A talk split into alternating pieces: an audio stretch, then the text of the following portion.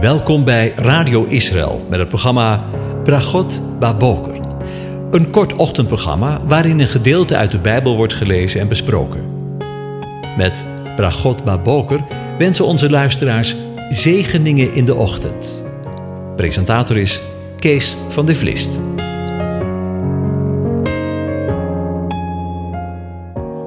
Goedemorgen, Bokatov, beste luisteraars. Vanmorgen gaan we opnieuw verder met na te denken over Psalm 96. En ik lees nogmaals de eerste acht versen aan je voor. Zing voor de Heere een nieuw lied. Zing voor de Heere, heel de aarde. Zing voor de Heere, loof zijn naam. Breng de boodschap van zijn heil van dag tot dag. Vertel onder de heidevolken van zijn eer, onder alle volken van zijn wonderen. Want de Heere is groot en zeer te prijzen. Hij is ontzagwekkend, boven alle goden. Want alle goden van de volken, dat zijn maar afgoden, maar de Heere, die heeft de hemel gemaakt. Majesteit en glorie zijn voor zijn aangezicht, macht en luister in zijn heiligdom. Geef de Heere, geslachten van de volken, geef de Heere eer en macht. Geef de Heer de eer van zijn naam. Breng offers en kom in zijn voorhoven. Tot zover. Over godsdienst gesproken. Na aanleiding van het laatste vers is in eerste instantie natuurlijk gericht aan Israël, om de eeuwige de eer van zijn naam te geven, de offers te brengen die voor hem verschijnen. Kwamen we terecht bij Romeinen 12, waar de apostelen zijn toehoorders in Rome, maar over hun hoofden heen, dus over Israël en over de mensen daar in Rome heen, hun hoofden, als het ware ook ons, de gelovigen van anno 2021, op te roepen om onze lichamen en ons denken, ons hele zijn op te offeren, of anders gezegd ter beschikking te stellen aan de eeuwige want, zagen we eerder, we zijn niet van onszelf, maar van Hem.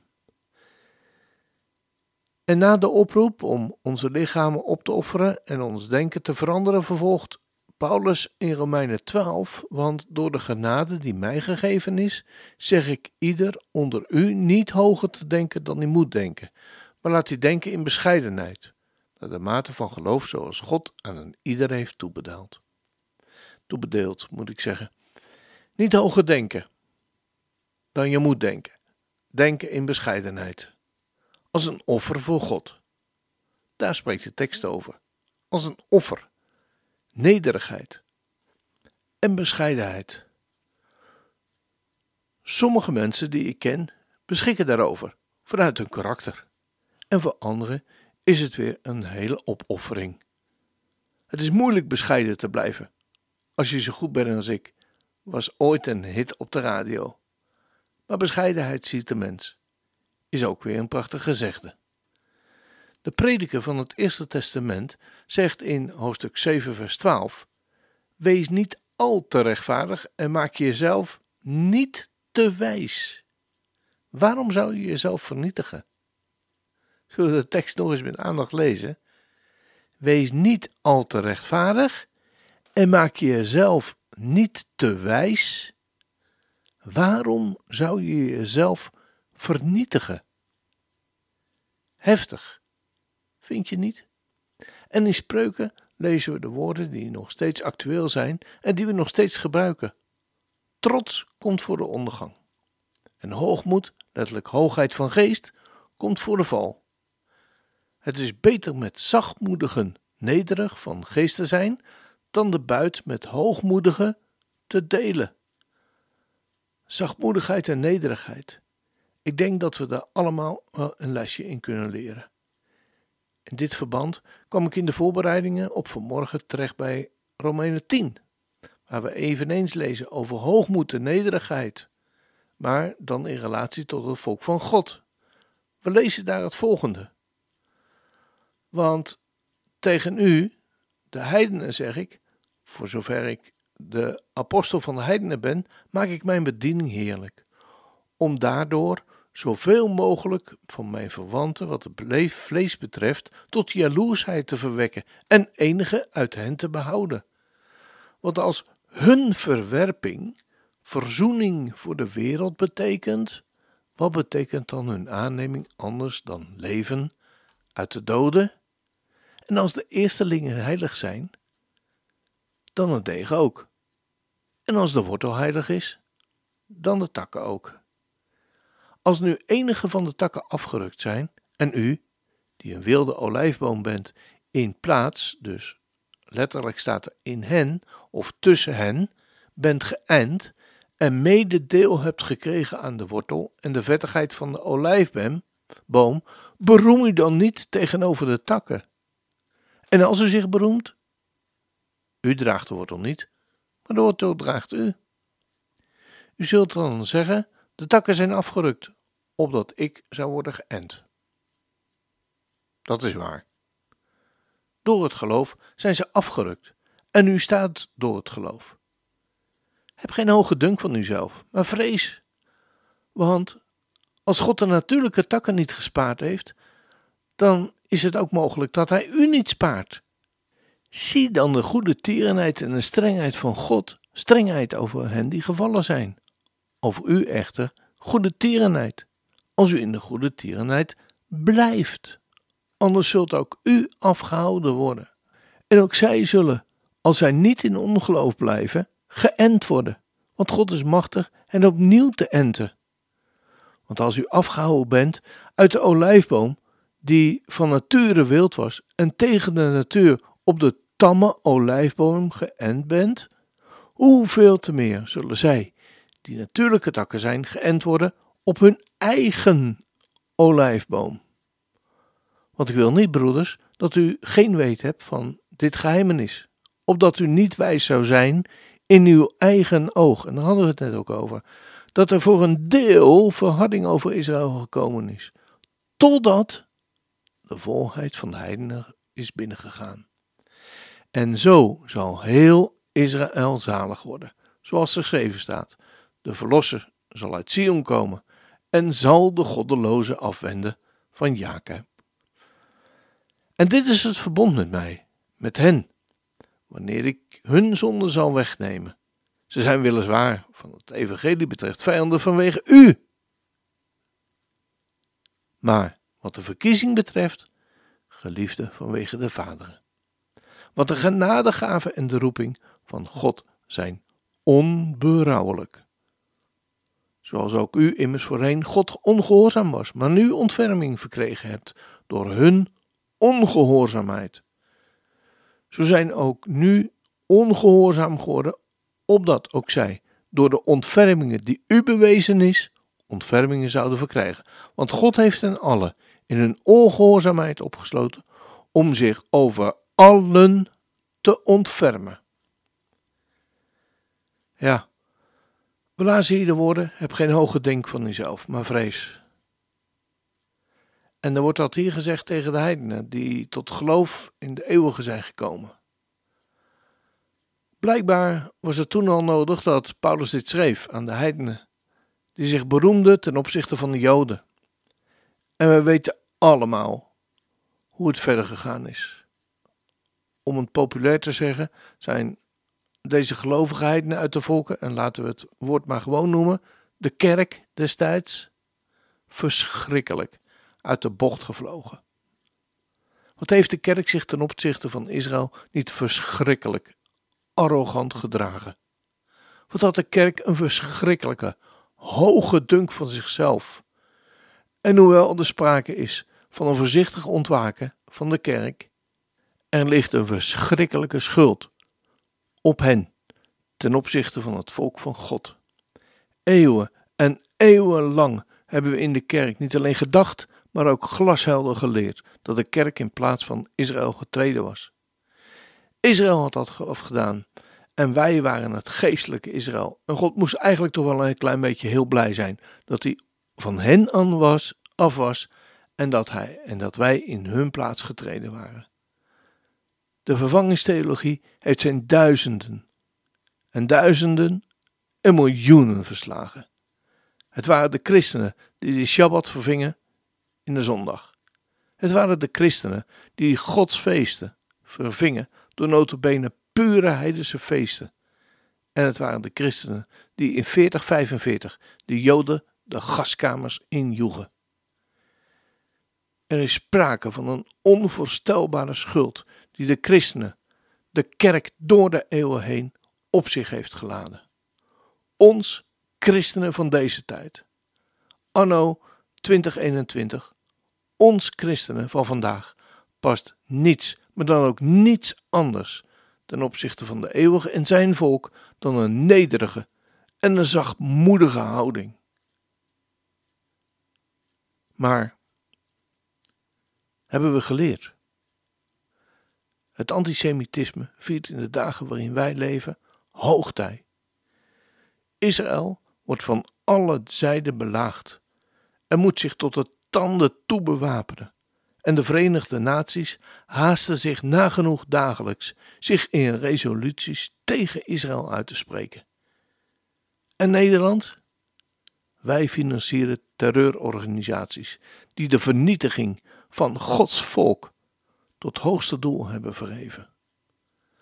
Lieve luisteraar, we hebben de dure plicht het volk van de eeuwige met ons lichaam en met onze geest te zegenen. Wat als hun verwerping verzoening voor de wereld betekent. Wat betekent dan hun aanneming anders dan leven uit de doden? Want als God de natuurlijke tak niet gespaard heeft, dan is het ook mogelijk dat Hij u niet spaart. Want als u afgehouden bent, afgehouden bent uit de olijfboom die van nature wild was, en tegen de natuur op de tamme olijfboom geënt bent, hoeveel te meer zullen zij, die natuurlijke takken zijn, geënt worden op hun eigen, op hun eigen olijfboom. Want ik wil niet, broeders, dat u geen weet hebt van dit geheimenis. Dat je niet eigenwijs zult zijn in je eigen oog. Dat er voor een deel verharding over Israël gekomen is. Totdat de volheid van de heiden is binnengegaan. En zo zal heel Israël zalig worden. Zoals geschreven staat.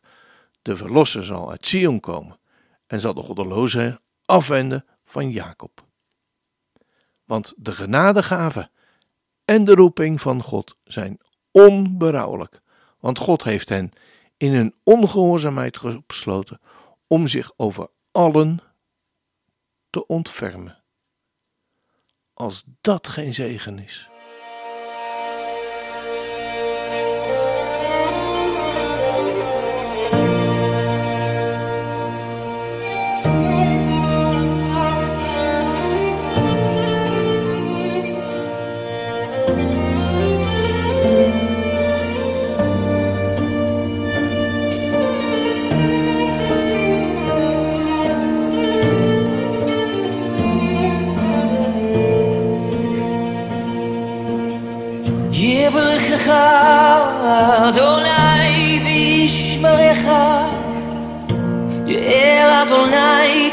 אליך ויחונך יישא אדוני פניו אליך וישם לך שלום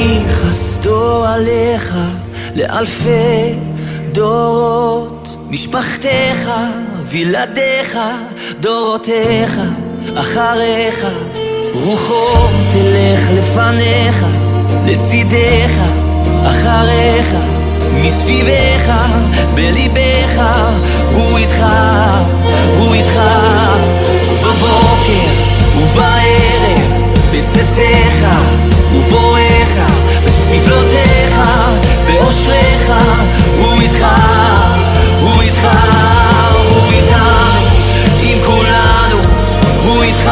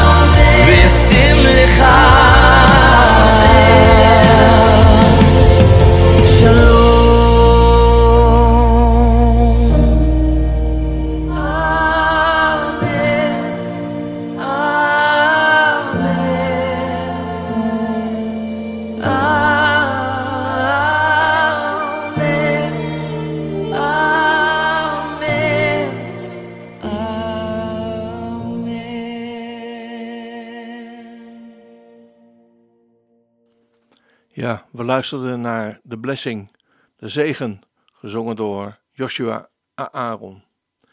Ik wens u daarom een gezegende dag. De Heer zegene en hij behoede je. De Heer doet zijn aangezicht over je lichten en zij je genadig. De Heer verheft zijn aangezicht over je en geeft je zijn vrede, zijn shalom. Amen.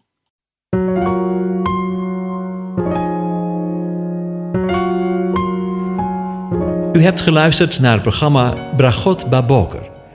Een kort ochtendprogramma waarin een gedeelte uit de Bijbel wordt gelezen en besproken. Wilt u het programma nog eens naluisteren, dan kan dat. Ga naar radioisrael.nl en klik onder het kopje radio op Uitzending gemist.